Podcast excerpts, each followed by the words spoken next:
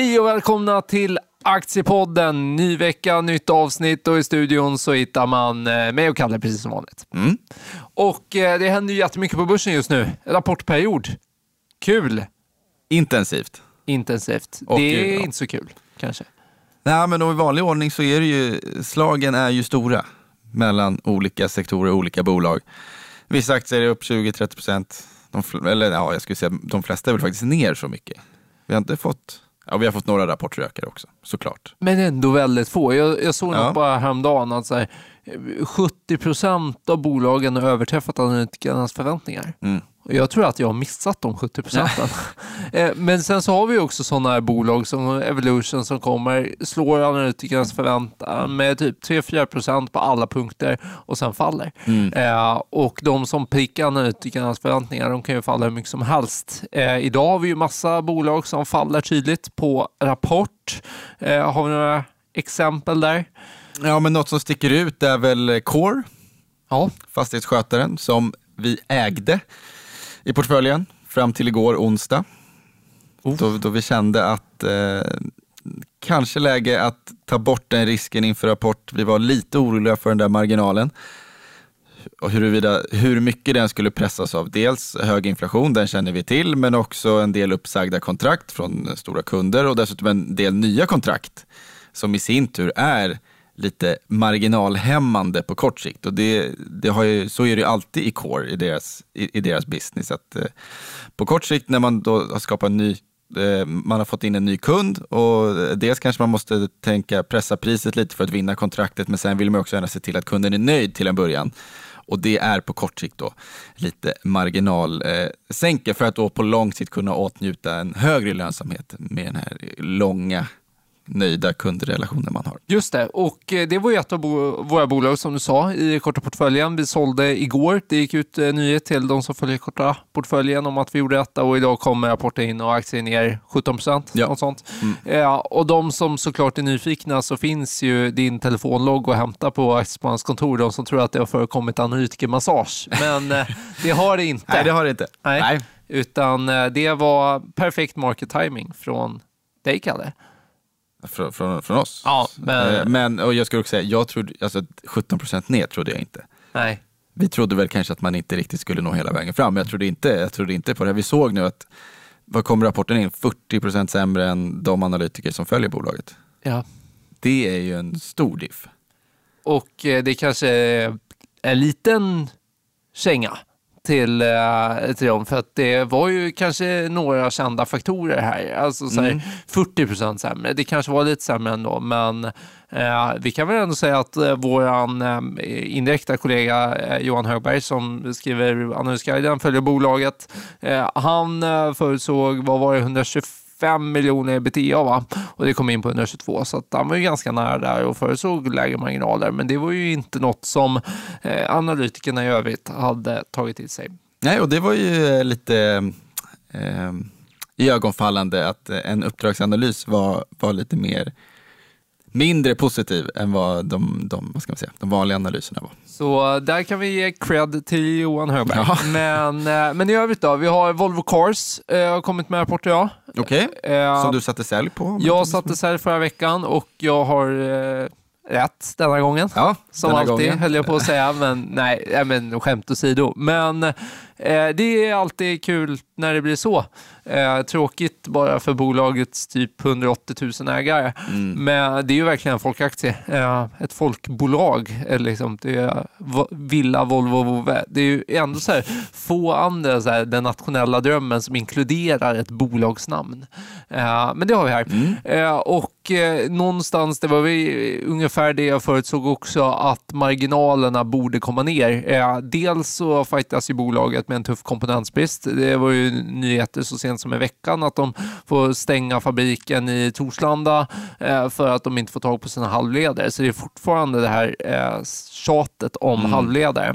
Eh, och eh, Eh, dessutom så står vi inför en lågkonjunktur. Om det är något man vet om tidigare lågkonjunktur är att äga biltillverkare är det sämsta möjliga man kan göra. För att det är en jättestor initial eh, investering. Det är förenat med högre driftskostnader att äga bil. Både du och jag har bil, vi vet. Ehm, så att det är inte ett bra läge kort och gott att köpa helt nya bilar när vi går in i en lågkonjunktur och många personer får lite pengar på fickan. Dessutom så är Volvo eh, kanske inte den bästa. Vi, det är en av de absolut minsta av alla globala biltillverkare och dessutom kanske den högst värderade. Jag gjorde någon så här peer-analys med Renault, och Volkswagen och BMW och de andra stora. Där har vi liksom P4 i snitt mm. medan Volvo själva handlas på typ P8. Eh, så det kanske var lite onödigt dyrt och eh, nu tar aktien stryk. Men eh, så kan det vara. Ett annat bolag som har rapporterat idag är Encon. Mm -hmm. Också ett bolag som jag har satt sälj på. Jag gillar att sätta sälj. och det, där har jag också tur idag. De presenterar jättestarkt kvartal men väldigt svag orderingång, vilket ju såklart vittnar om en lite svagare marknad framöver.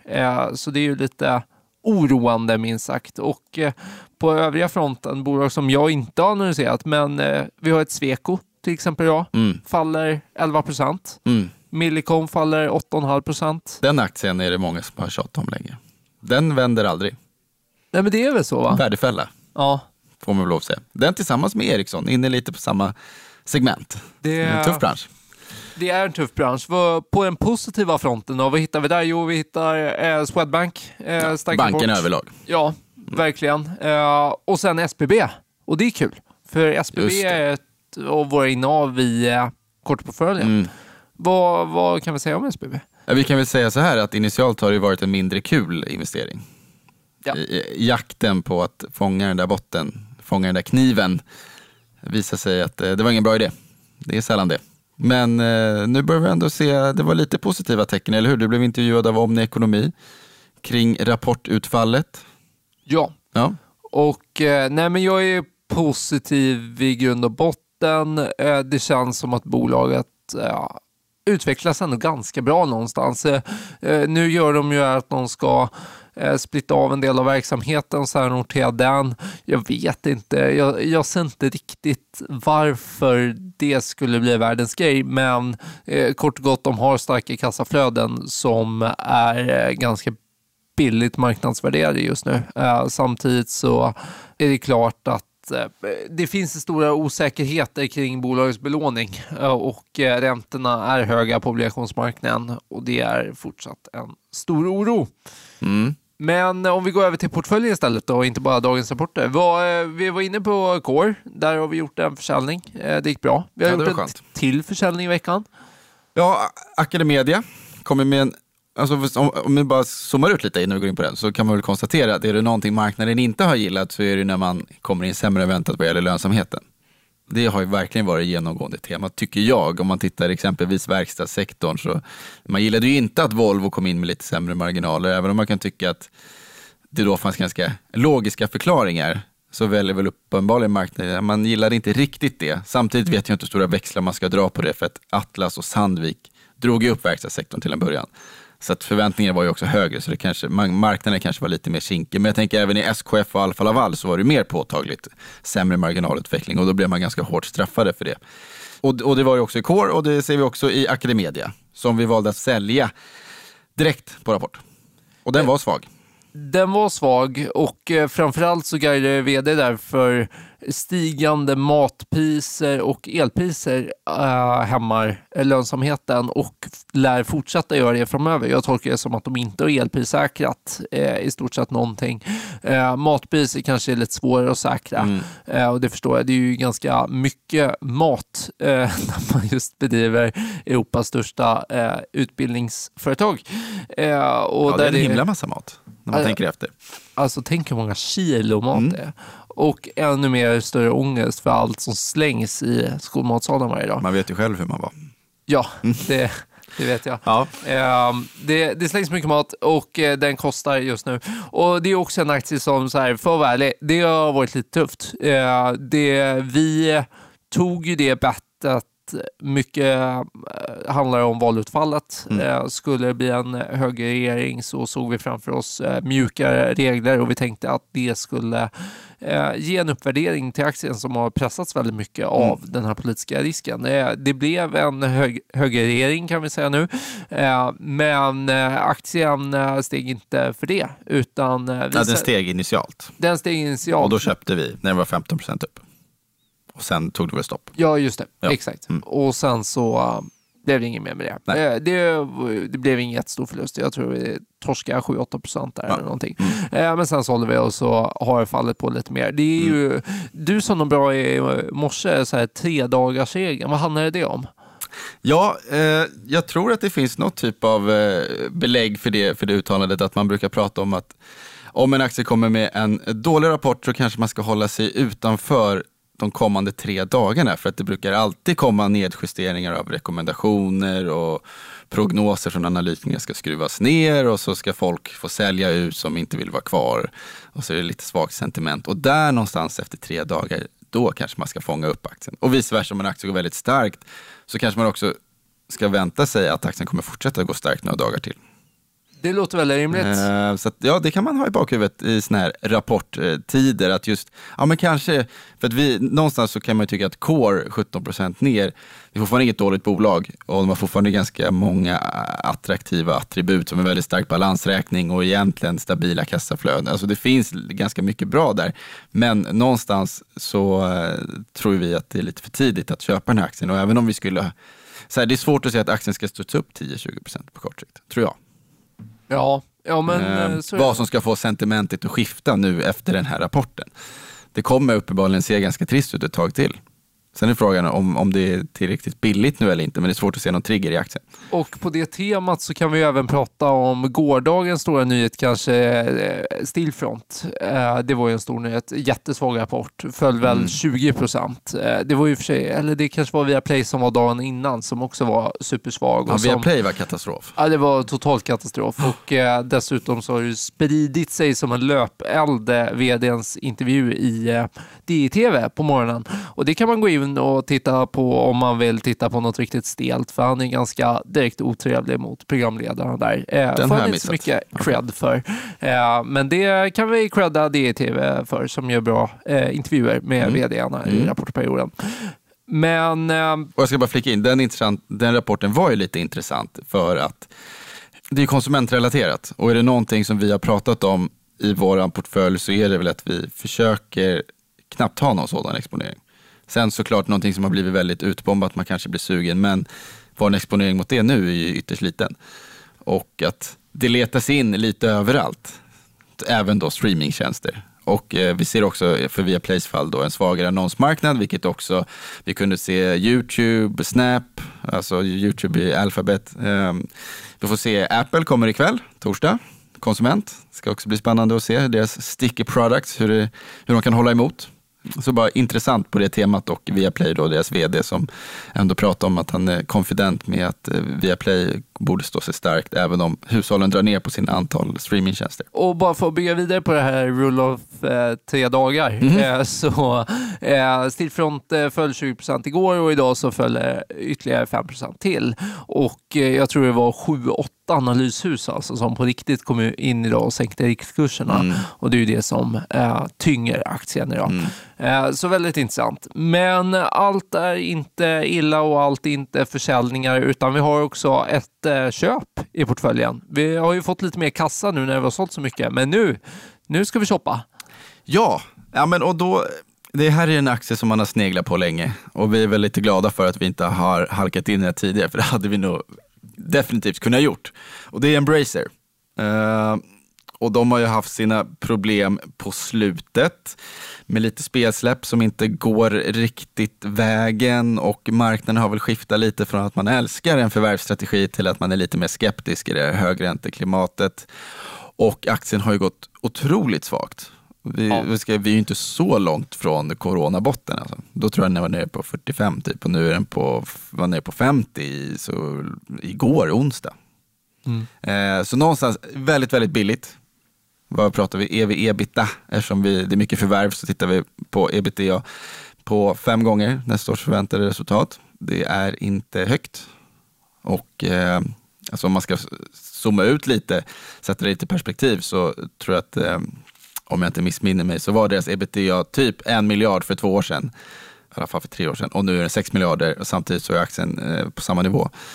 Eh, och, så att jag menar, det, egentligen så man är i en sweet spot där man kan fortsätta göra förvärv. Frågan är hur många. det är väl en liten osäkerhet hos marknaden, men på en underliggande marknad som växer. Eh, och det känns, någonstans, någon gång så känns det som att man vill eh, köpa den här.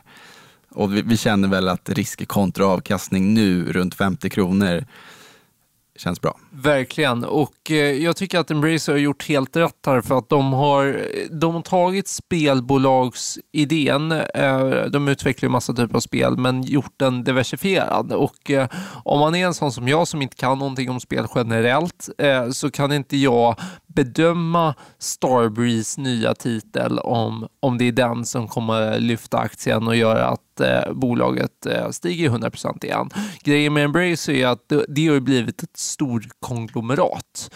Eh, de har blivit jättestora, de har diversifierat sig, det är mycket mobilspel men det är också plattformsspel, alltså Playstation, Xbox och grejer. Nu har de köpt ett stort franskt brädspelsbolag förra året. Mm. Det är lite allt möjligt, vilket gör att man blir ju inte så beroende av någon enskild release här och där. Dessutom i denna sektorn, det finns ganska stora fördelar med att just vara ett stort konglomerat där en titel kan komma in från ett håll, dra in en del pengar medan de andra sitter och utvecklar väldigt mycket och kanske behöver pengar. Eh, så det, och dessutom så finns det olika kompetensområden där en studio är tokbra på just det här och så kan man eh, dela en del kompetens eh, internt i koncernen. Mm. Eh, så att jag tycker att Embracer känns som att de tagit denna bolagsidén åt helt rätt håll för börsen. Eh, om man är onoterad då kan man göra på lite olika sätt, men som noterad koncern så tycker jag att detta känns helt rätt med Lars Wingefors i spetsen. Eh, starkt ägande också från hans sida. Mm. Har behållit sig i Karlstad, jag gillar det. Eh, respekterar att man inte så måste flytta till Stockholm bara för att man är börsnoterad. Eh, och eh, nej, men de matar på eh, kort och gott. Eh, du, som du säger, skuldsättningen är lite hög, så det kanske inte kommer att bli enorma förvärv framöver. Så att när rapporten kommer här om tre veckor, då är fokus på den organiska tillväxten. Verkligen. Där ligger ju fokus. För, och det är också det som ligger bakom lite grann att aktierna gått svagt. Att marknaden känner, men var, när kommer den då? Ja, mm. och då säger vi att eh, förhoppningsvis kommer att, vi ser, att vi ser embryon i alla fall till att det går åt rätt håll. Ja. Ja, och det är ju som du säger, det är ju rekordbilligt eh, i eh, multipel på ja. detta. Så uh, det känns intressant. Så vi trycker på köpknappen, eh, 5 av portföljen, men vi har fortfarande kvar 15% kassa. Ja, och uh, köpet görs ju då, när ni lyssnar på det här, eh, så görs ju då köpet idag, torsdag och till kursen 53 kronor. Om jag inte missminner mig. Mm. Okej, okay, härligt. Uh, men det är en uh, spännande marknad och det gäller att följa med i en intensiv rapportflod. Och uh, det ska vi fortsätta göra och eh, förhoppningsvis så, jag är taggad på att köpa något mer. Så när ni lyssnar på ja, det detta nästa bra. gång så blir det nog något mer köp, hoppas jag. Men eh, med det så tackar vi för oss för denna veckan och så hörs vi snart igen. Tack för oss.